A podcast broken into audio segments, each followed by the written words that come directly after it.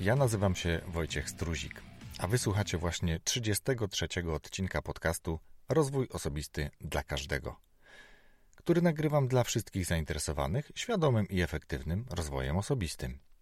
Dzisiejszym moim gościem jest osoba, o której rozmawiałem z Agatą Limanówką w odcinku 30, ale tak przejęliśmy się jej książką, że nie wymieniliśmy ani tytułu, ani autora.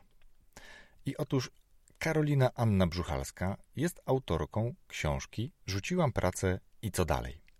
Dzisiaj rozmawiamy o tej książce między innymi, ale Karolina jest wirtualną asystentką, wirtualnym project managerem. Wielu może to ciekawić, na czym polega ta praca, jakie to niesie za sobą plusy i jakie minusy. O tym wszystkim bardzo ciekawie opowiada Karolina.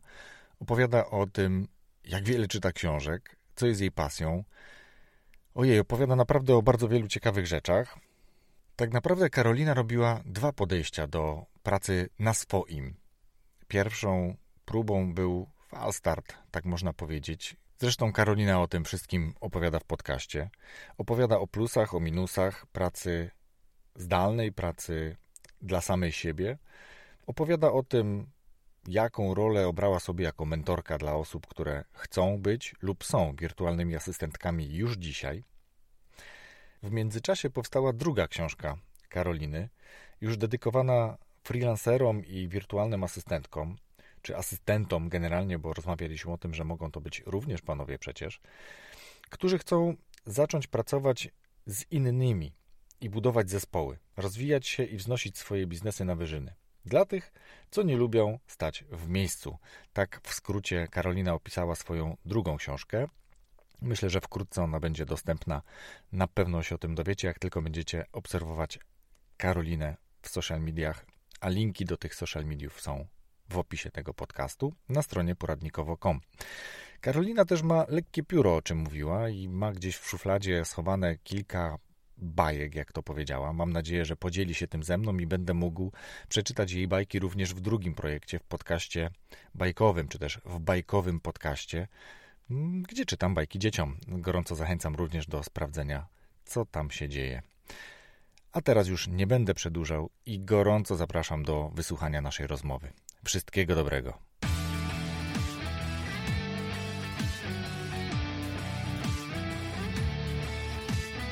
Cześć Karolino, dziękuję za przyjęcie zaproszenia do mojego podcastu. Cześć Wojtku, dziękuję bardzo za zaproszenie.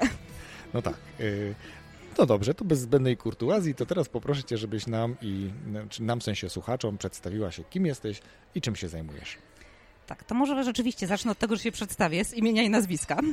Nazywam się Karolina Brzuchalska i na co dzień pracuję jako wsparcie dla przedsiębiorców wspieram przedsiębiorców w ich działalności online'owej głównie, ale czasami również offline'owej, a także jestem mentorem wirtualnych asystentek, czyli wspieram dziewczyny, które chcą wejść na rynek wirtualnej asysty, bądź też już funkcjonują jako wirtualne asystentki, a chciałyby się troszeczkę rozwinąć. Super. To drugie pytanie z tych trudniejszych. Jaka jest Twoja pasja? Jedna? Muszę się może, skupić może na być, jednej? Może być kilka. jakie masz pasje? To będzie ich kilka, tak. Ja przede wszystkim kocham zwierzęta, y, co, o czym świadczy mój mały zwierzyniec w domu. Mam dwa koty i mm, jedną taką bardzo energiczną sukę. E, brzydko to może brzmi, ale to jest mieszanka spaniela z border collie i rzeczywiście jest to mega energiczne zwierzę. E, kolejną pasją są książki. Nałogowo pochłaniam wszystko, co leci i czytam grubo ponad 100 książek rocznie. O ja, e, ale co, ci zazdroszczę. Co nie jest proste przy takim obłożeniu zawodowym, jakie mam, ale staram się zarówno słuchać, jak i czytać. Trochę audiobooków, trochę e-booków, trochę książek papierowych. No i w sumie najważniejszą od czterech lat e, trenuję boks. Dwa razy w tygodniu, czasami trzy razy w tygodniu robisz dokładnie to samo, co zrobił Radek Budnicki w tym momencie na podcaście ze mną. Czyli patrzysz, jaki mam biceps. No tak, bo przyznam szczerze i ty też to przyznasz, że boks damski jest jeszcze cały czas w kategorii stereotypów. I dlatego tak. jak kobieta e, mówi, że trenuje boks, no to nie jest typowe. Y, może nie jest typowo, natomiast ja bardzo późno zaczęłam, więc to moje trenowanie boksu to jest rzeczywiście takie już y, trochę w randze seniorów. Taki fitness bardziej? Nie, zdecydowanie nie, nie fitness. Okay. Nie, nie, to jest dużo dalej od fitnessu. To jest tak wymagający sport, tak wymagający koncentracji, samodyscypliny, wytrzymałości, wszystkiego praktycznie. Mhm. Więc nie, to nie jest fitness. No to zaskoczyłaś mnie tutaj tym. Nie spodziewałem się boksu po tobie, ale super, bardzo dziękuję. To też pokazuje pewnego rodzaju otwartość. Dobra, ja zaznaczę, zanim e, się rozkręcimy, że kolejny raz nagrywamy w miejscu, gdzie może być słychać troszkę gości, może być słychać troszkę obsługę, ale mam nadzieję, że Wam, słuchacze drodzy, to nie przeszkadza, a jeśli przeszkadza, to bardzo chętnie o tym usłyszę. No, zmienię wtedy miejscówkę, tak żeby to nie przeszkadzało. No dobrze, to teraz e, ja chciałbym też troszkę wyjaśnić, dlaczego Karolina tutaj. Z jednej strony zajmuje się bardzo ciekawym, czy jakby ma bardzo ciekawy zawód. E, interesuje nie tylko mnie to osobiście, ale wiem, że Was również, bo bo szczególnie tych, którzy myślą o albo własnej działalności, albo mm, o wsparciu we własnej działalności, a niekoniecznie chcą zatrudniać pracowników i do tego sobie mhm. trochę nawiążemy. Ale też jakby Karolina jest tutaj dlatego, że z jednej strony zapomnieliśmy z Agatą Limanówką przedstawić, że mówimy właśnie o Karolinie Brzuchalskiej. Tak, i dlatego ja tutaj jestem dzisiaj. Karolina tutaj jest i ja się właśnie teraz rehabilituję tutaj, bo mówiliśmy o Karolinie, mówiliśmy, że napisała książkę, nie powiedzieliśmy jaką, jaką książkę, nie podaliśmy tytułu. To się oczywiście znalazło w opisach podcastów mm, i w postach dotyczących tego, tej rozmowy z Agatą Limanówką, ale y, już wtedy nawet z Agatą rozmawiałem o tym, że warto Karolinę zaprosić. Ja się już notabene z tym e, zamiarem nosiłem, dlatego, że Karolinę to takie moje długie, on, on teraz będzie takie wejście długie, także możesz spokojnie tutaj chwilę poczekam. Chwilę poczekać. Karolina generalnie jest takim, e, mogę uzurpuję sobie prawo, powiem moim odkryciem, chociaż wcale moim odkryciem nie jest, ale dla mnie jest odkryciem, ponieważ siedziała sobie na takim wydarzeniu Percaster, siedziała i nic nie mówiła o tym, że ona jest twórcą podcastu, który już ma ile odcinków? Będzie niedługo 30. Będzie niedługo 30, czyli praktycznie czuję oddech Karoliny na plecach. Mm, nie powiedziała nic, dopiero wyciągnięta do tablicy się odezwała. Nic nie powiedziała wtedy, że jest autorką książki. Książki, o której rozmawialiśmy właśnie z Agatą i książkę Karoliny mam w ramach y, odcinka rozmowy z Agatą, ale mam też tą książkę dzisiaj od Karoliny i do niej sobie troszeczkę bardziej nawiążemy później. A książka ma tytuł Rzuciłam pracę i co dalej? Y, bardzo mi się podoba okładka. I co dalej? Teraz pracujemy całą dobę. no do tego też nawiążemy. Natomiast y, właśnie i tutaj Karolina sobie siedziała na perkasterze. Później się okazało, że Karolina jest dokładnie tą samą osobą, o której rozmawiałem z innymi moimi dwoma koleżankami, notabene też podcasterkami, y, z dwoma Agnieszkami, które zachwycały się tym, jak y, Karolina pomaga w ich pracy. No mówię, no dobra, no to to jest osoba do rozmowy tutaj w podcaście o rozwoju osobistym, bo jakby zmiana pracy z tej etatowej na taką własną działalność i to jeszcze tak mm, powiedziałbym nowatorską jest czymś bardzo ciekawym. Dobra, i ja powoli już kończę i teraz y, zadam... Ja myślałam, że dopiero się rozkręcasz. Mógłbym, ale lepiej nie. Więc teraz porozmawiajmy trochę po pierwsze o tym przejściu z pracy etatowej na tą pracę i dlaczego właśnie taką. Więc może najpierw przejście z etatu, a później trochę dlaczego na to. No dobrze, to jeśli chodzi o samo przejście, to ja może zacznę od tego, że pracowałam na tym etacie lat kilkanaście i proszę mi nie liczyć wieku, ale uwierzcie, to było kilkanaście lat. Pracowałam zaczynając od stanowiska sekretarki, przez asystentkę, asystentkę zarządu, potem przeszłam do działu marketingu, skończyłam w międzyczasie studia PR. No i tak to się właśnie rozwinęło, że doszłam w pewnym momencie do takiego etapu, gdzie nie widziałam w żadnej firmie możliwości dalszego rozwoju. Takiego rozwoju szerokiego. Owszem, mogłam być na stanowiskach asystenckich, mogłam pracować w marketingu, mogłam być PR-owcem, ale nie dało się tego połączyć nijak.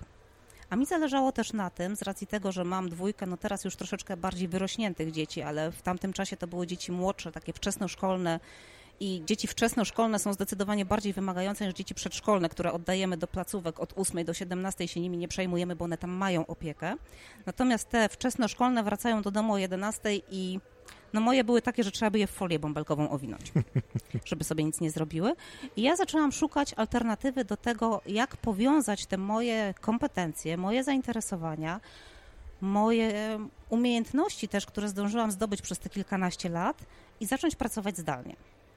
No i na początku miałam taki pomysł, że może ja zacznę tłumaczyć, bo moim pierwszym kierunkiem studiów jest filologia germańska.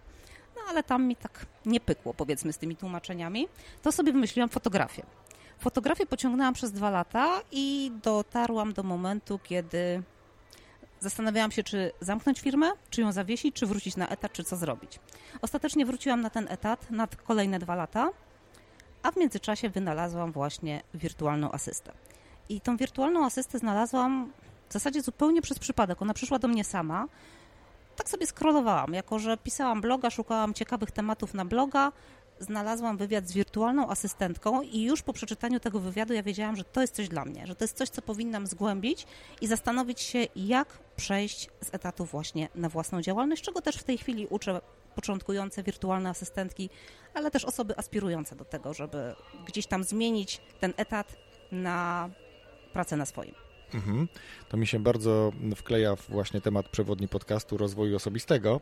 To zadam jeszcze pytanie, zanim pociągniemy dalej co dla ciebie oznacza rozwój osobisty, albo jak widzisz rozwój osobisty. Bo nie ma takiej jednej reguły, dlatego postanowiłem, że będę też teraz gości pytał o to, jak widzą rozwój osobisty, żeby być może trochę uświadomić wszystkim tym, którzy myślą, że rozwój osobisty to jest taki właśnie nie, nie, chcę przytaczać zawsze, ale gryzę się w język taki pan, który tam mówi, że zawsze i wszędzie możesz wszystko, albo, albo inna, mm, zbiór, zbiór innych, nazwijmy to nieładnie naciągaczy, którzy powodują, że jest po prostu niechęć do coachingu rozwoju osobistego. Więc czym dla Ciebie jest rozwój osobisty, Karolina?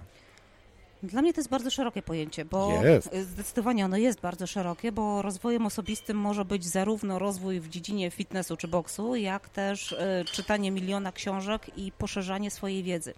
I właśnie moja praca daje mi naprawdę ogromne możliwości rozwoju, tego takiego szerokiego rozwoju, czyli e, od zdobywania nowych kompetencji, poszerzania horyzontów, zdobywania nowych umiejętności, ale też takiego przekwalifikowywania się od czasu do czasu, bo ja zawsze miałam tak, że tą pracę zmieniałam co 2-3 lata, bo już mi się w firmie nudziło.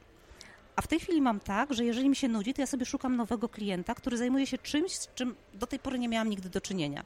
I tutaj jest kolejny taki element, gdzie mogę się rozwijać. Więc ten rozwój osobisty dla mnie personalnie to jest taka możliwość wszechstronnego zdobywania wiedzy, informacji, takiego nieustającego rozwoju praktycznie na wszystkich y, płaszczyznach. Na płaszczyznach językowych, komunikacyjnych, y, kompetencyjnych, wiedzowych, ale też właśnie Y, takiego, duch, no, z duchowością to nie będę przesadzać, natomiast takiego rozwoju też ciała, umysłu, no praktycznie wszystkiego. To mi się też y, podoba, bo mam bardzo podobnie.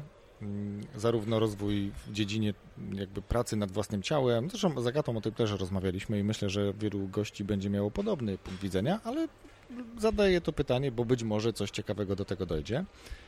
Może ktoś będzie miał inaczej. Dokładnie. Natomiast wiesz co, powiem, że mi wątek uciekł przed chwilą, jak się tutaj czaskały filiżanki. Dobra, chyba już wiem. Nie, nie wiem. Nie wiesz, co chciałem? Nie, niestety, przykro mi w myślach jeszcze nie czytam. Ja wiem, bo przywołałem sobie w myślach to, że na pewno chcę zapytać cię o książki, ale y, uciekło mi, uciekło mi rozwój osobisty. Czym jest dla ciebie rozwój osobisty? Mm, dobra, już wiem to jeżeli to oznacza dla ciebie rozwój osobisty, to co znajdujesz w tej pracy, czego nie mogłaś znaleźć w, na, w pracy na etacie? Co ci daje, poza tym, że powiedziałaś, że pracujesz teraz 24 na dobę, ale oprócz tego na pewno są jak, jakieś dobre strony, tak? No, inaczej nie pracowałabyś, nie zajmowałabyś się tym i nie byłabyś dodatkowo mentorką dla takich, które chcą być wirtualnymi asystentkami. Że powiedziałabym, że daje mi wszystko, bo moje życie zmieniło się o, no radykalnie, o 180 stopni, ale nie tylko moje, bo też całej mojej rodziny. I przede wszystkim daje mi niesamowitą elastyczność. Ja nie muszę nikogo prosić o pozwolenie. Nie muszę prosić o pozwolenie, żeby wyjść z pracy. To jest takie bardzo trywialne, ale w wielu firmach źle się patrzy na matki, które latają z dziećmi do lekarza, które biorą zwolnienie, które ciągle gdzieś coś muszą załatwiać. No niestety, ja w pewnym okresie mojego życia miałam tak, że byłam słomianą wdową przez prawie 3 lata, bo mój mąż pracował w innym mieście i przyjeżdżał tylko na weekendy. I ja z tymi dzieciakami byłam 24 H na dobę sama W związku z czym no, siłą rzeczy wszystko spadało na mnie. Czy to były zajęcia dodatkowe, czy to była wizyta u lekarza, czy to była choroba dziecka, czy wezwanie do szkoły, które niejednokrotnie też się zdarzało, bo na przykład dziecko rękę złamało. Oj. No i mój szef, y, on sam mi właśnie zaproponował to, co powiedziałam przed chwilą, żebym zaczęła te dzieci folią bąbelkową owijać. To fajny szef. Y, I ta elastyczność, ta wolność wyboru tutaj, że ja mogę sobie wybrać, że ok, teraz o 11 pojadę z dzieciakiem do lekarza, a popracuję sobie o trzeciej nad ranem, bo taką mam możliwość, albo tak lubię, bo dlaczego nie? Są osoby, które wstają o 12 i pracują do trzeciej nad ranem. To jest dla mnie nie do przecenienia. Więc y, najważniejszym takim elementem, który daje mi obecna praca, to jest wolność. Wolność w praktycznie każdym aspekcie, nie tylko w tej elastyczności godzinowej, nie tylko w tej elastyczności tego, o której pracuję, o której zaczynam pracę, w jakie dni pracuję, ale też możliwość wyboru klientów, bo rzeczywiście jest w, te, w tym momencie doszłam już do takiego etapu, że mogę sobie pozwolić na to, z którymi klientami chcę pracować, a z którymi nie. I to nie jest żadna pycha czy przechwałki, bo do tego dochodzi każdy.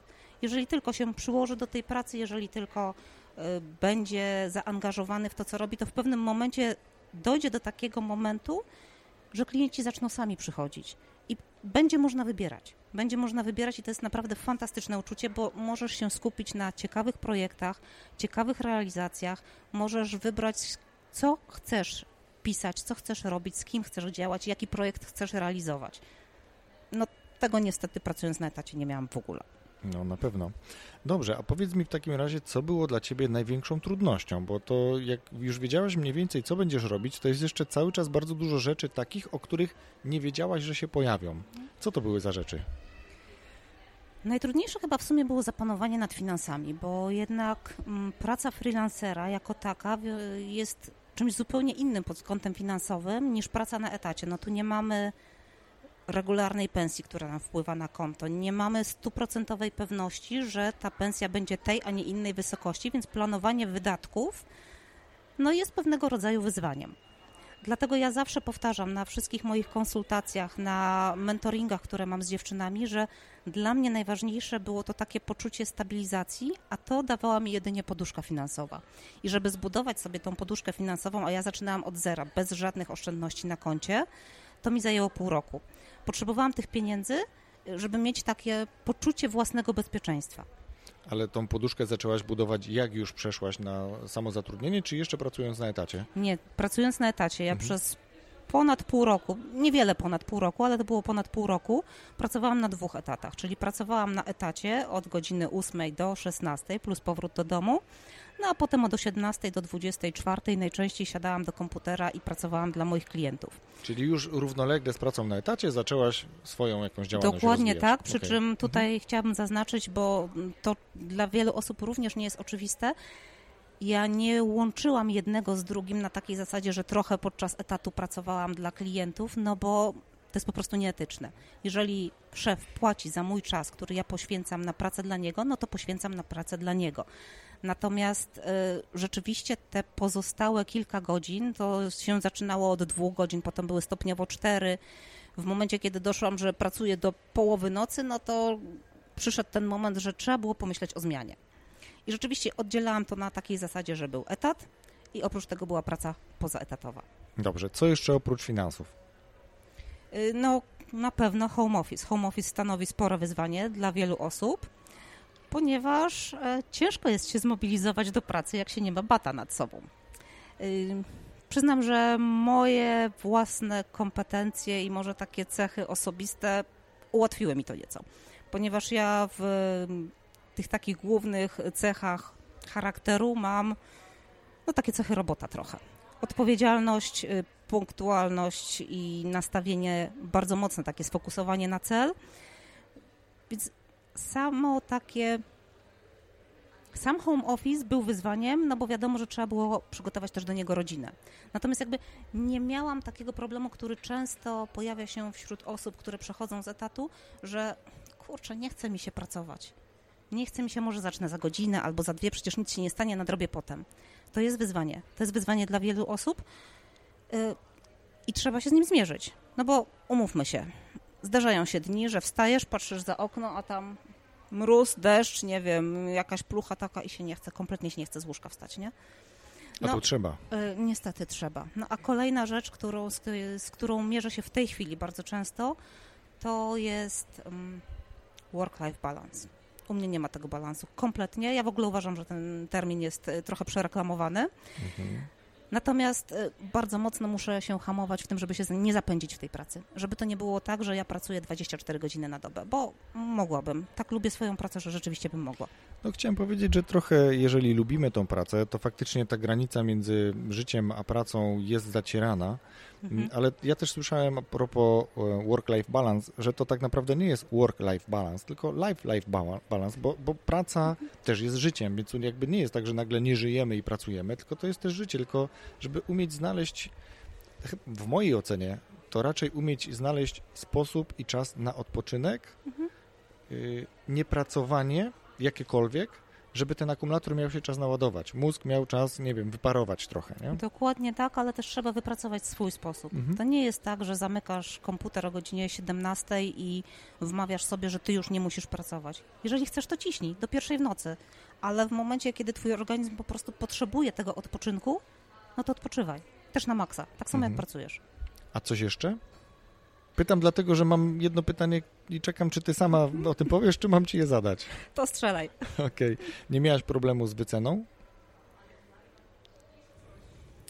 Powiedziałabym, że nie, aczkolwiek rzeczywiście na samiuteńkim początku zaniżyłam kwotę swoich usług i wynikało to z faktu, że ja pracowałam na etacie i miałam taki backup finansowy.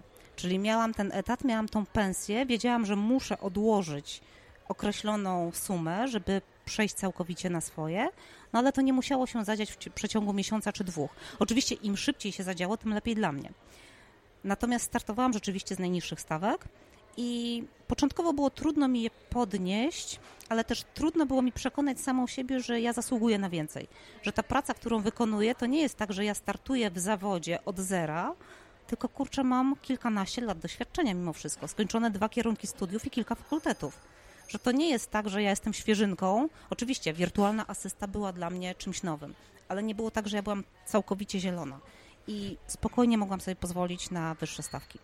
Pytam dlatego, że to jest jeden z największych problemów osób, które wchodzą na bycie free, freelancerem, na to, żeby rozpocząć pracę z, jakby ze sprzedawaniem swoich umiejętności, mhm. tak? z wyceną tego. Tak, i znajdziesz ten rozdział w mojej książce również, jak wycenić swoją pracę.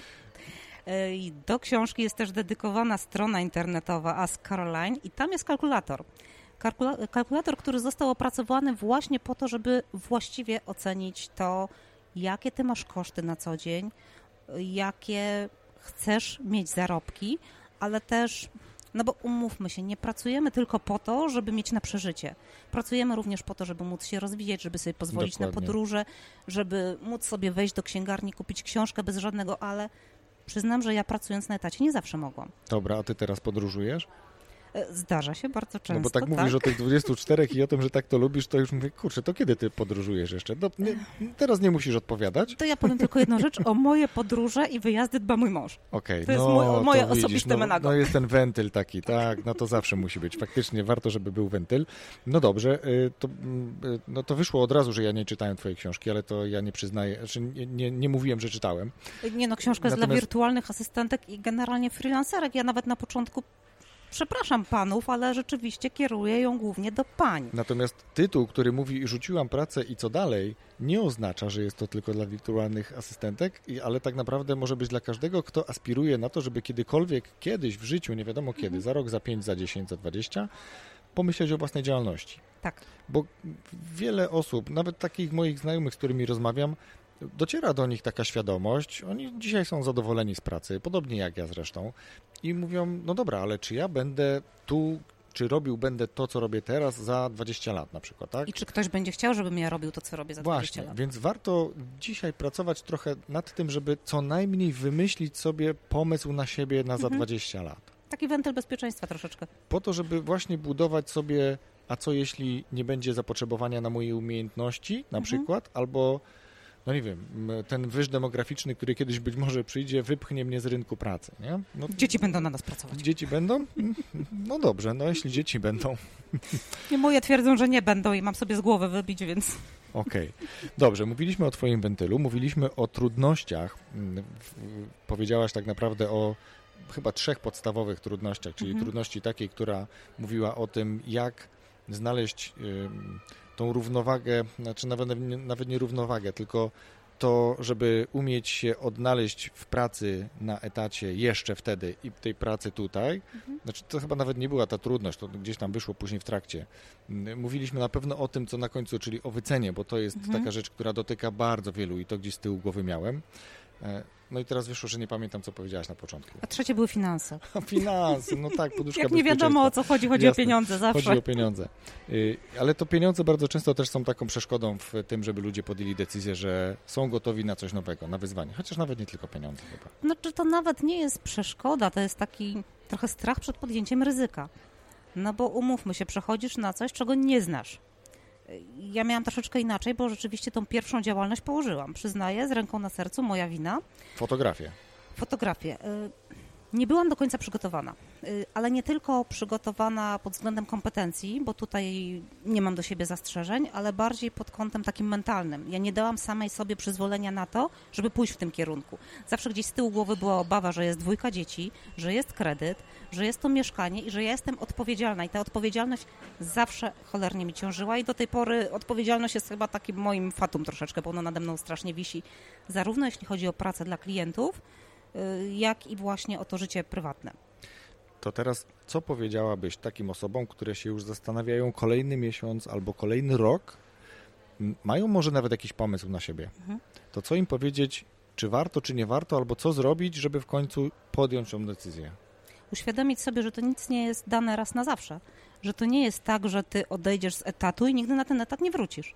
Bo jeżeli coś nie wyjdzie, no to w każdej chwili możesz wrócić. Jeżeli nie do tej firmy, to do innej. Czasem zajmie ci to więcej czasu, no bo wiadomo, odchodzisz y, sam czy sama z pracy i pracodawca potencjalny, kolejny może się obawiać, że od niego też odejdziesz. Ale jeżeli ty jesteś specjalistą, a zakładam, że jesteś, no bo skoro masz pomysł na siebie, to jesteś specjalistą, to dlaczego nie spróbować? Czy lepiej za 20-30 lat żałować, że się spróbowało, czy że się nie spróbowało? Tak jak rozmawialiśmy z Agatą, no to jest kredyt, no to jest rodzina, Zawsze jest rady. jakaś wymówka. Więc ja myślę, że tak naprawdę złotym środkiem jest z jednej strony odwaga, ale z drugiej strony też jest to, o czym powiedziałaś, czyli zbudowanie sobie poduszki bezpieczeństwa. Tak. I u mnie jeszcze jeden element tutaj zagrał bardzo dużą rolę. Ja w tym takim najważniejszym momencie mojego życia trafiłam na fantastycznych ludzi, którzy dali mi niesamowite wsparcie, takie nawet nie tylko dlatego, że zostali moimi klientami, bo zostali, ale też takie wsparcie psychiczne, że usłyszałam od nich, jest super, dasz radę, a jeżeli nie dasz rady, to coś wymyślimy. No i to jest bardzo ważne. Dobrze. Ja się zastanawiam tak naprawdę, w którym momencie zdałaś sobie sprawę z tego, że możesz pomagać innym wirtualnym asystentkom albo aplikującym na to stanowisko. Powiedziałabym, że od samego początku, aczkolwiek nie miałam w sobie tyle odwagi i pewności siebie, żeby rzeczywiście tak było.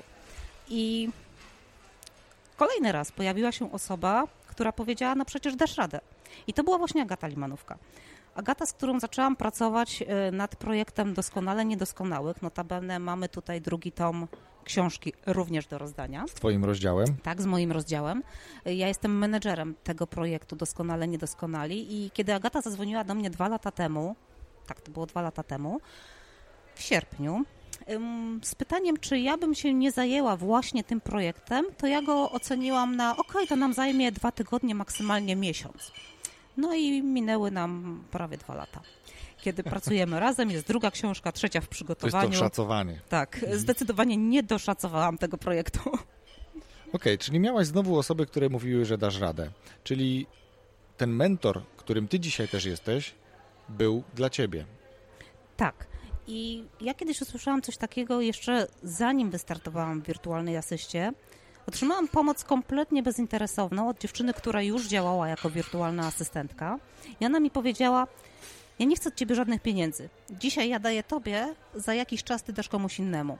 I to mi tak utkwiło w głowie, że właśnie to jest ten element, który ja też bym chciała przekazać innym osobom, że mogę im pomóc. Mogę być dla nich właśnie takim wsparciem. To nawet nie chodzi o to, że ja im dam narzędzia, pokażę co i jak, tylko czasem potrzebujemy właśnie takiej osoby, która będzie stała przy nas, do której zadzwonimy, powiemy, słuchaj, to mi nie idzie, tam to nie wychodzi, jak to zrobić, czy ja sobie w ogóle dam radę. Dla mnie taką osobą jest Agata, a myślę, że byłabym w stanie naprawdę wesprzeć kilka, jak nie kilkanaście innych osób, pomagając im właśnie tak stanąć na nogi. Świetnie, miło słyszeć. Mm, o książce za chwilę porozmawiamy, bo już po nią sięgałem, ale chciałem zapytać tak naprawdę o coś, co może interesować tych, którzy aplikują, albo tych, którzy chcieliby zatrudnić mhm. wirtualną asystentkę. Co może zrobić, a czego nie może zrobić, poza tym, że nie może zrobić kawy, no bo to już słyszałem e, nieraz. Zrobić nie, ale zamówić oczywiście, Ale zamówić tak. może, no właśnie, czyli co może, e, a czego nie może zrobić e, wirtualna asystentka? Szczerze powiedziawszy, to ja się tak mocno zastanawiam nad tym, czy czegoś nie może. No nie może przyjechać do Twojego biura i pojechać z Twoimi dokumentami, jeżeli pracuje w innym mieście, a 99% moich klientów jest z innego miasta. My dzisiaj rozmawiamy w Poznaniu, więc nie wiem, mam chyba dwie albo trzy klientki, które są, dokładnie trzy, które są z Poznania. Cała reszta, z którymi do tej pory współpracowałam, mieszka poza Poznaniem. No ale nawet jeżeli czegoś nie może zrobić sama, to z całą pewnością ma bazę podwykonawców, ma bazę innych osób, które mogą wykonać dane zadanie, bądź też myślę, że wirtualne asystentki są na tyle rozgarniętymi osobami, że jeżeli nie mają, to znajdą. To w takim razie, co najczęściej robi wirtualna asystentka? O, to jest bardzo dobre pytanie i bardzo szerokie pytanie. Dlatego powiedziałem najczęściej. To może ja zacznę od tego, że Początkujące wirtualne asystentki, jak stawiają swoją stronę internetową, i tutaj bije się w pierś, ponieważ ja również popełniłam ten błąd, wypisują na tej stronie całą książkę telefoniczną. Wszystkich umiejętności, które potrafią, które mają, kompetencji. Na mojej stronie można było znaleźć naprawdę mnóstwo rzeczy. Ja je eliminowałam stopniowo, ale co może? Praktycznie całą obsługę online'ową, wszystkie media społecznościowe, tworzenie grafik, pomaganie w zarządzaniu stroną internetową. Wiele wirtualnych asystentek specjalizuje się w różnych rzeczach. Dla mnie na przykład taką warstwą, w której ja się specjalizuję, oprócz zarządzania projektami, jest copywriting, bo ja jestem od zawsze za pan brat ze słowem i tutaj jakby nie mam problemu z tym, żeby siąść i napisać wpis blogowy w pół godziny. Natomiast y, są osoby, które uwielbiają technikalia, są osoby, które zajmują się researchem, są osoby, które uwielbiają tworzyć bazy danych. Ja tego co prawda kompletnie nie rozumiem, ale są takie osoby. Więc całe to wsparcie takie online'owe, strony internetowe, zarządzanie stronami, tworzenie grafik, oczywiście prosty grafik, nie wchodzimy tu w kompetencje grafików, nie projektujemy billboardów, nie tworzymy jakichś zaawansowanych e, projektów, Natomiast ten taki podstawowy zakres jak najbardziej, plus cała mm, taka strona administracyjna, czyli skrzynki mailowe, telefony, y, w niektórych przypadkach windykacja, zarządzanie sklepami, wspomaganie w obsłudze klienta, czy wprowadzaniu towarów na magazyn. No naprawdę tego jest całe mnóstwo i praktycznie wirtualna asystentka jest w stanie zrobić to, co każda asystentka stacjonarnie, plus jeszcze kilku innych pracowników. I to najczęściej zlecają twoi klienci. Tak. Super. A jakie miałaś najdziwniejsze albo najtrudniejsze zadanie? E, do najtrudniejszego zadania wkop w najtrudniejsze zadanie wkopałam się sama, muszę przyznać, i właśnie to wiąże się z tym, o czym mówiłam przed chwilą, czyli z tą książką telefoniczną e, w usługach i na stronie, czyli to była windykacja. Ja dostałam od klienta listę no co najmniej 100 pozycji, 100 numerów telefonów, które musiałam obdzwonić, musiałam zadzwonić do tych osób i przypomnieć im o płatności. Raz, drugi, trzeci, piąty, dziesiąty, bo wiadomo, że jeżeli ktoś nie płaci, no to często nie płaci z jakiegoś powodu. No i o tych fakturach trzeba było przypominać. To nie było ani miłe, ani komfortowe dla mnie, bo tak naprawdę ja tego nie lubię. Mhm. Teraz już y, wykreśliłam windykację miękką. W twardą się nawet nie mieszam, bo to są nie moje kompetencje i można klientowi bardziej zaszkodzić. Natomiast taką miękką windykację wykreśliłam ze swoich y, obowiązków. Ale jest to też możliwe. Niektóre pewnie osoby to mają w swoim. Jak najbardziej, tak. No dobra. No to teraz przejdźmy do książki. Skąd pomysł na książkę? Skąd pomysł na książkę? Ponieważ ja zawsze chciałam napisać książkę i to nie jest pierwsza książka, którą napisałam, natomiast jest to pierwsza książka, która została wydana. Y, w szufladzie mojego biurka w zasadzie na dysku komputera leży powieść dla kobiet, powieść psychologiczna i ona sobie leży i czeka na swoją kolej. leży kilka opowiadań i książka dla dzieci i dla młodzieży. I ja pisałam od dziecka. Tak naprawdę od dzieciaka, od podstawówki. Nawet nie wiem, czy nie wcześniej. Jak zaczęłam pisać, tak, y, tak powstawały opowiadania, tak powstawały różne teksty. Natomiast pomysł na książkę branżową wziął się stąd, że ja koniecznie chciałam napisać. Koniecznie chciałam napisać książkę. To koniecznie miała być powieść. No ale podczas coachingu z Agatą, podczas tych naszych sesji mentoringowych, Agata stwierdziła, że wiesz co, to powinna być powieść branżowa. Teraz na początek taki element budowania wizerunku marki. Mówię, okej, okay, ale ja to zrobię po swojemu. I połączyłam właśnie te dwa elementy, czyli zbudowanie wizerunku, stworzenie książki dla wirtualnych asystentek, dla freelancerów, takiego poradnika, jak to zrobić, żeby przejść na ten etat bezboleśnie i uniknąć popełniania błędów, bo umówmy się, każdy popełnia błędy, a ja ich popełniłam tyle, że mogę się nimi podzielić. Połączyłam to z powieścią. I w tej książce jest element, w zasadzie przewija się w każdym rozdziale, element powieści. I jak to usłyszałam kiedyś od jednej z czytelniczek, która mówi, nie, no ja nie wierzyłam, że taka książka może mnie wciągnąć, bo co to takiego jest. A potem siedziałam i się zastanawiałam, co z tą bohaterką. I pierwsze, co mi przyszło do głowy, to wkręciłaś mnie. To wtedy wiedziałam, że to jest napisane dobrze. Świetnie. Ile zajęło ci napisanie tej książki? To jest chyba 200 stronek, dobrze tak, tak patrzę. To Trzy miesiące. Dokładnie 200 stron. Trzy miesiące. Tak. A wydanie?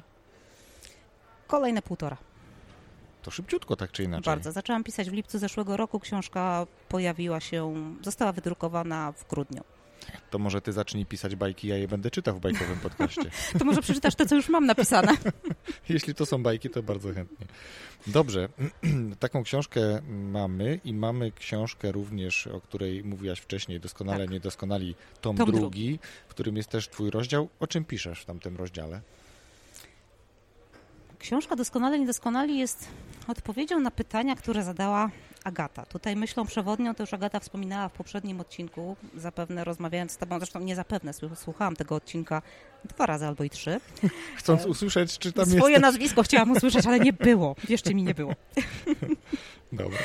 Natomiast tak, rzeczywiście, tak jak Agata wspomniała, motywem przewodnim jest miłość e, i przyznaję, że odpowiedzenie na te pytania było bardzo trudne. Było bardzo trudne i wiązało się z no, wieloma bolesnymi wydarzeniami w moim życiu, z wydarzeniami, które ja wypchnęłam ze swojej świadomości, a które teraz wróciły do mnie z podwójną mocą, bo musiałam je sobie poukładać. I musiałam sobie poukładać właśnie te wszystkie wartości, te wszystkie. Zresztą pytania możecie znaleźć na stronie doskonale niedoskonali.pl. Jeżeli tylko ktoś miałby ochotę odpowiedzieć sobie na te pytania, Uprzedzam, nie jest to proste. Ja nad rozdziałem myślałam 4 miesiące. Napisałam go w przeciągu 3 godzin, natomiast myślałam nad odpowiedzią 4 miesiące. Pięknie. Więc te książki będziemy e, rozdawać. Bardzo Ci za nie dziękuję. E, ponieważ jesteś tu gdzieś lokalnie, to mm, no nie, może nie będziemy teraz wymyślali dedykacji, no nie będziemy przesadzać. Książki są do rozdania, na pewno śledźcie mm, social media i będzie informacja o tym, e, jak można uzyskać taką książkę, czy takie książki. A ja chciałem zapytać, ale sobie wzdechłem. Ja chciałem zapytać jeszcze o to, jak w przypadku Twojego mentoringu, czyli kiedy Ty jesteś mentorem dla innych osób, jakie najczęściej pojawiają się sytuacje, mm, które są problemem mhm. dla drugiej strony? Mm, no chyba tak, chyba o to chciałem zapytać. Jakie najczęściej pojawiają się problemy tej drugiej strony, które rozwiązujesz jako mentor? Bo tak to trochę też widzę. No może mentor nie daje gotowego mhm. rozwiązania, ale wspiera w tym, żeby żeby to rozwiązanie się znalazło. Że tutaj musimy troszeczkę rozróżnić te pytania takie, na które jest łatwo odpowiedzieć, czyli czego potrzebuję, co muszę zrobić na początku, jak zacząć w ogóle, od tych kwestii takich bardzo osobistych, czyli czy ja sobie poradzę, czy ten pomysł, który ja mam na siebie, w moim przypadku wypali. I największą obawą, z którą dziewczyny się mierzą i z którą przychodzą, to jest właśnie to, jak znaleźć tego klienta i jak go do siebie przekonać. Bo owszem, można stworzyć ofertę, można mieć nawet napisaną ofertę, no po prostu taką, że jak ją wysyłasz i oferta ma zaważyć na tym, że to ty zostaniesz wybrany, to jest pierwszy wybór. Natomiast podczas rozmowy położyć wszystko. I ja uczę, może nawet nie uczę, daję wskazówki y, co do tego, jak rozmawiać z tymi klientami, jakim językiem się posługiwać, jak przełamywać te swoje obawy i jak nie dać swojej podświadomości zepchnąć się do takiego takiego elementu, że nie, kurczę, nie poradzę sobie, to jednak nie jest dla mnie do takiej chwili, że postanawiasz się wycofać. Bo w momencie, kiedy napotykamy na pierwsze trudności, to jest taki moment zawahania, czy ja na pewno dobrze zrobiłam, czy ja dam radę. I właśnie teraz mam na takiej sesji mentoringowej, no pracujemy już prawie trzy miesiące z jedną z dziewczyn. Ona już jest na etapie wypuszczania swojej oferty, ale były momenty zawahania, były takie chwile, kiedy ona mówiła, nie, wiesz co, ja chyba odpuszczę, ja jednak zostanę na tym etacie. Ja go nie lubię, może poszukam czegoś innego, bo się po prostu boję. Co to będzie? I właśnie po to też jest mentor, żeby cię w tym momencie wesprzeć, żeby ci powiedzieć, że okej, okay, te obawy są w porządku. Ja codziennie mierzę się z obawami, ale trzeba działać pomimo tych obaw. Po prostu.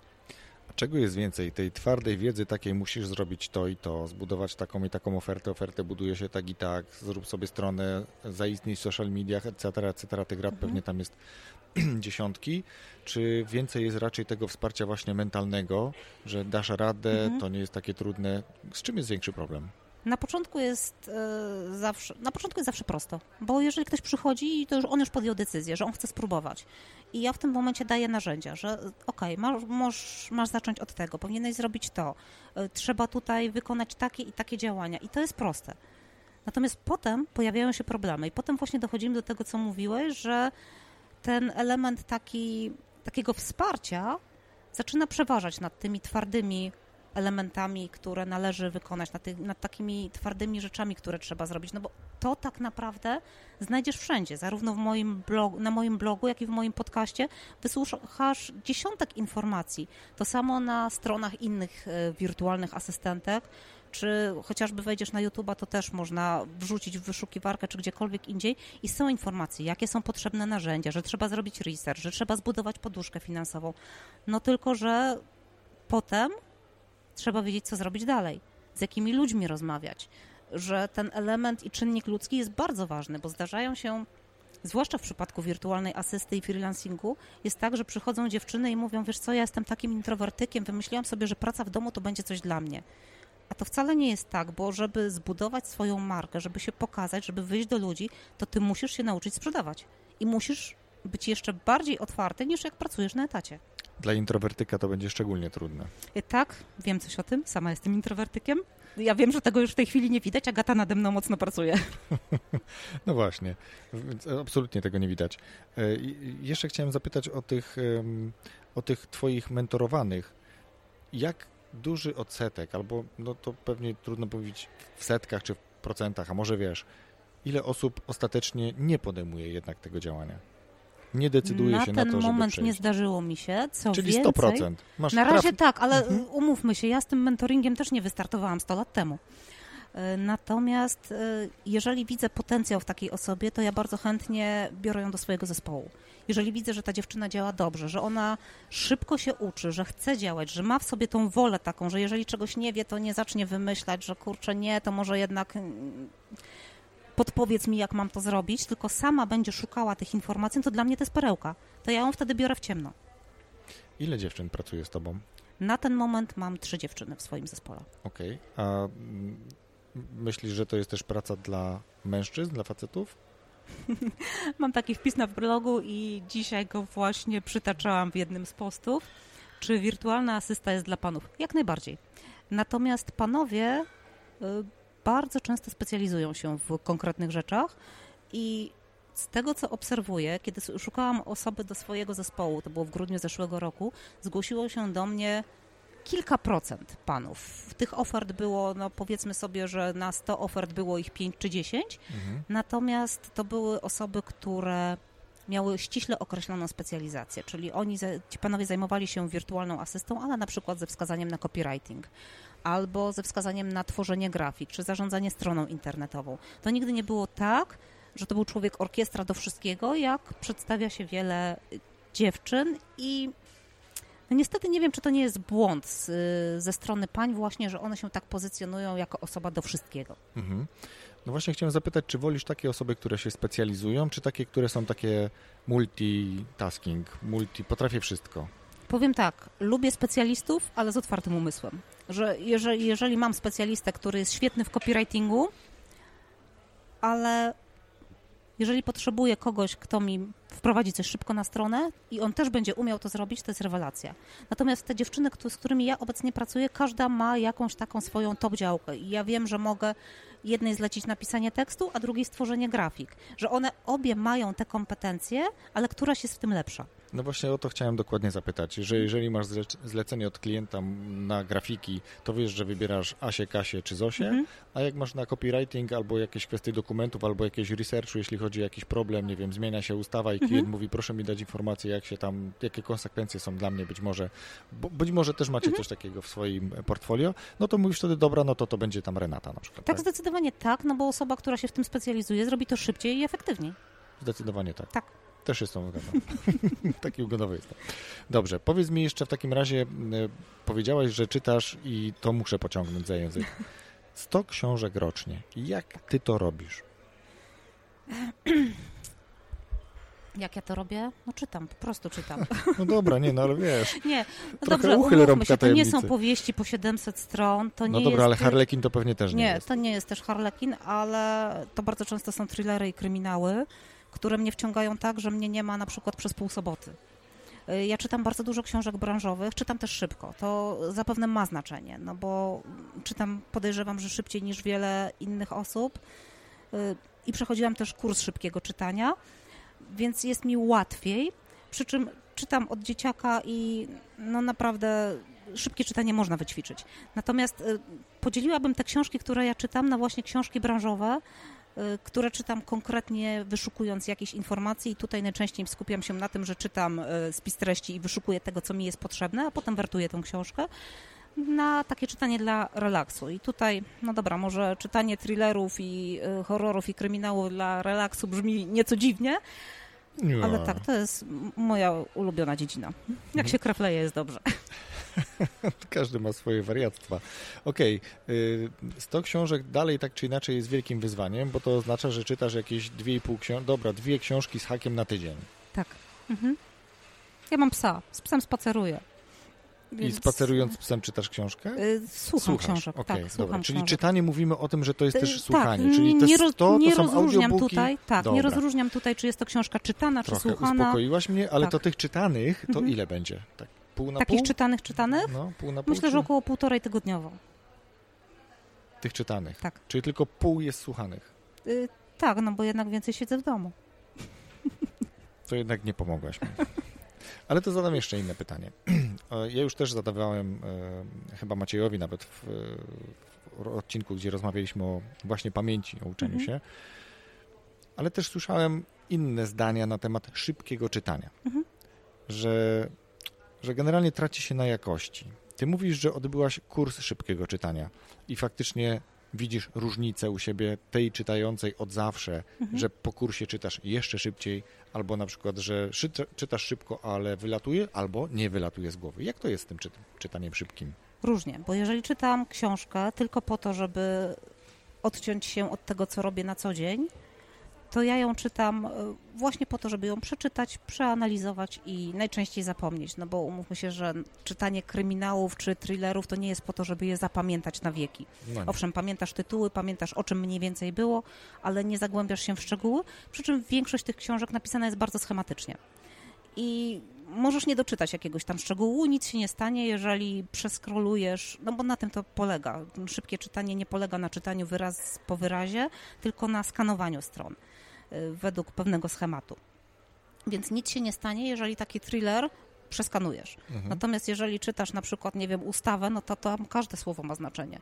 I jak ja czasami obserwuję, jak mój mąż czyta y, właśnie dokumenty swoje do pracy i czyta ustawy, to no nie, no tu by było, nie wiem, może z 10 pozycji rocznie. To czy twoją książkę w takim razie można przeskanować, czy raczej trochę tak się na niej skupić? Moja książka... Mm, Powiem tak, osoby, które ją czytały, czytały ją dwu albo trzykrotnie. Mhm. I 99% y, osób, które do mnie pisało, mówiło, że właśnie tak, pierwsza Pierwsze czytanie to było takie na szybko, bo chciały wiedzieć, co jest w powieści, o czym jest ogólnie książka, po czym następowało drugie czytanie razem z ćwiczeniami, bo w książce znajdują się również ćwiczenia i wiele osób potraktowało tą książkę taki, jaki był też mój zamiar, jak ona powstawała, jako workbooka, czyli książkę, która jest jednocześnie przyjemna do czytania, ale też ma być użyteczna i ma tobie posłużyć jako ćwiczenie do wejścia we freelancing. Trochę taki podręcznik. Poradnik bardziej niż podręcznik. Poradnik, podręcznik. Podręcznik może źle się kojarzyć, ale to, to jest coś, dla mnie podręcznik to jest coś, do czego można śmiało wracać. Tak, i tutaj zdecydowanie też można wracać, bo wydaje mi się, przynajmniej tak starałam się, żeby te treści były uniwersalne, żeby to nie było tak, że ja piszę o ZUS-ie, a przepisy zmienią się za trzy miesiące. Że ja piszę o tym, że na przykład możesz wystawiać fakturę z takim podatkiem, a podatek się zmienia. Więc tutaj są treści uniwersalne, takie, które moim zdaniem za kilka lat również będą wartościowe. Super. Dobrze, to skoro czytasz 100 książek rocznie. Ale się przyczepiłeś do tych 100. Kurczę, naprawdę, wiesz? Naprawdę. Ja w tym roku przeczytałem więcej mm, przez pierwsze miesiące niż przez ostatnie pewnie dwa lata. Nie ma się czym chwalić, ale to dalej nie są setki. Myślę, że nawet pewnie nie jakieś tam dziesiątki, może kilkanaście. Okej, okay. z tym, że to ja pragnę tutaj zaznaczyć, że to, że czytasz mniej, to wcale nie znaczy, że to jest gorzej. Też sobie to tak tłumaczę. Nie, nie trzeba sobie tłumaczyć. Bo tak jak mówię, ja czytam wiele książek po prostu dla rozrywki. Czytam, odkładam na półkę i o nich zapominam. Fakt, że książki, które ja czytam, nie są natury kryminałów, e, chociaż słuchałem Mroza kiedyś, kiedyś e, jako. U Mroza jest wszystko bardzo przewidywalne. I, aczkolwiek niekoniecznie, ale mniejsza z tym. E, bo chciałem Ciebie zapytać o to, że skoro masz okazję czytać tak wiele i słuchać też tych książek, to co takiego utkwiło Ci w pamięci? Jakaś bardzo ciekawa książka, ostatnio albo dawno temu czytana, nie ma znaczenia. Mhm. Najlepiej taka, która albo w Twojej branży, albo generalnie szeroko rozumianym rozwoju jest po prostu ciekawą pozycją. Jedną z takich bardzo ciekawych pozycji, znaczy z mojego punktu widzenia bardzo ciekawych, jest książka Artura Jabłońskiego o tym, jak pisać, żeby chcieli czytać i kupować. I dla mnie to jest książka, którą ja przeczytałam w ciągu godziny, może półtorej, jak jechałam pociągiem z Warszawy do Poznania. Natomiast wracam do niej praktycznie przy pisaniu większości tekstów. To jest książka tak mega naładowana wiedzą i tak mega ciekawie się ją czyta, że polecam każdemu, kto tylko zajmuje się jakąkolwiek formą pisania. Podlinkujemy na pewno. Coś jeszcze? No, dużo książek. Ostatnio no, jeszcze nie przeczytałam, ale kupiłam i wspominałam Ci o tym na samym początku, jak się spotkaliśmy. To jest książka Viral Piotra Budzkiego. Kupiłam mhm. ją przez jedno zdanie, które zostało napisane przez czytelniczkę tej książki na LinkedInie. Otóż ona napisała coś takiego, że czytając tą książkę, zastanawiała się, czy poleca się dalej, czy może schować dla siebie, żeby nikt się tej wiedzy nie, do, nie domyślił nawet, żeby nikt nie poznał tych wszystkich tajników, jak to zrobić, żeby twoje treści stały się wiralowe. No i ta książka właśnie dzisiaj do mnie przyszła, więc z pewnością będę się mogła podzielić opinią na jej temat już niedługo. Chętnie tą opinię poznam. Dobrze, mamy dwie polecone książki. Coś jeszcze dorzucasz, czy tak ale tak się. E, z książek branżowych, czy może z. No dobrze, innych? to niech będzie teraz już light. Niech będzie coś łatwego. Nie, nie ma lajta. Nie ma lajta, bo ja czytam, y, tak jak wspomniałam, głównie thrillery i kryminały. Jestem wielką fanką y, kryminałów Agaty Christie i tutaj od dziecka praktycznie od dzieciaka, natomiast jedną z moich ukochanych książek jest Mistrz Małgorzata. I do tej książki również mogę wracać i bardzo zazdroszczę mojej siostrze, która miała okazję być w domu Bułhakowa. No to znowu takie trochę zaskoczenie, tak jak z tym boksem. Ale okej. Okay. Dobrze, mamy polecone przez Ciebie książki, mamy Twoją książkę, którą rozdamy. No to w takim razie, gdzie Ciebie znaleźć? Sieci. Aktualnie powiedziałaś przed chwilą, że. Lulu Cafe. powiedziałaś też. Tak, mówiłaś dużo, czy kilka razy przewinęło się LinkedIn, to zapewne na LinkedInie można tak. Cię znaleźć. Ja wiem, że na Facebooku, bo tam się. Z, Zgadza się. Jak się mówi, to połączyliśmy nasze kontakty, czy no, dodaliśmy siebie do znajomych. Tak. tak. Jesteśmy mhm. znajomymi nie tylko na Facebooku, jak już się teraz okazuje. No gdzie jeszcze? Strona twoja, Pretty Well Done. Pretty Well Done, dokładnie. www.prettywelldone.pl tam jest mój blog, oferta, podcast. W podcaście również mnie można znaleźć, co we freelance piszczy. Gdzie jeszcze? Na Instagramie bardzo lubię to medium. Szczególnie sobie je upodobałam ze względu właśnie na tą fotografię.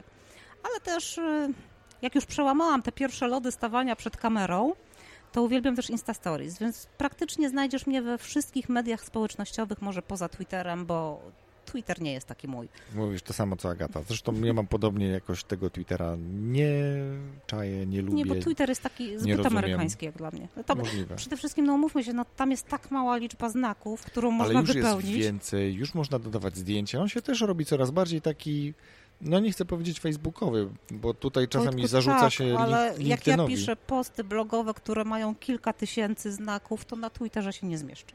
A 2000 znaków, 20 tysięcy znaków to ile to jest stron? 20 tysięcy znaków, no to jest pół arkusza wydawniczego, czyli może tak, nie wiem, książka, ta książka miała ponad 200 tysięcy, to jedna dziesiąta, za 20 stron może. Ło, to dużo. Zależy jaką czcionką, jaki format. Okej. Tym samym chciałem Ci podziękować za naszą rozmowę, To ja bardzo dziękuję. za przyjęcie zaproszenia. Bardzo miło mi się z Tobą rozmawiało i jestem przekonany, że nie tylko książki będą się cieszyły dużym e, popytem, zadowoleniem, radością słuchaczy, ale ta rozmowa także. Bardzo dziękuję. Dziękuję.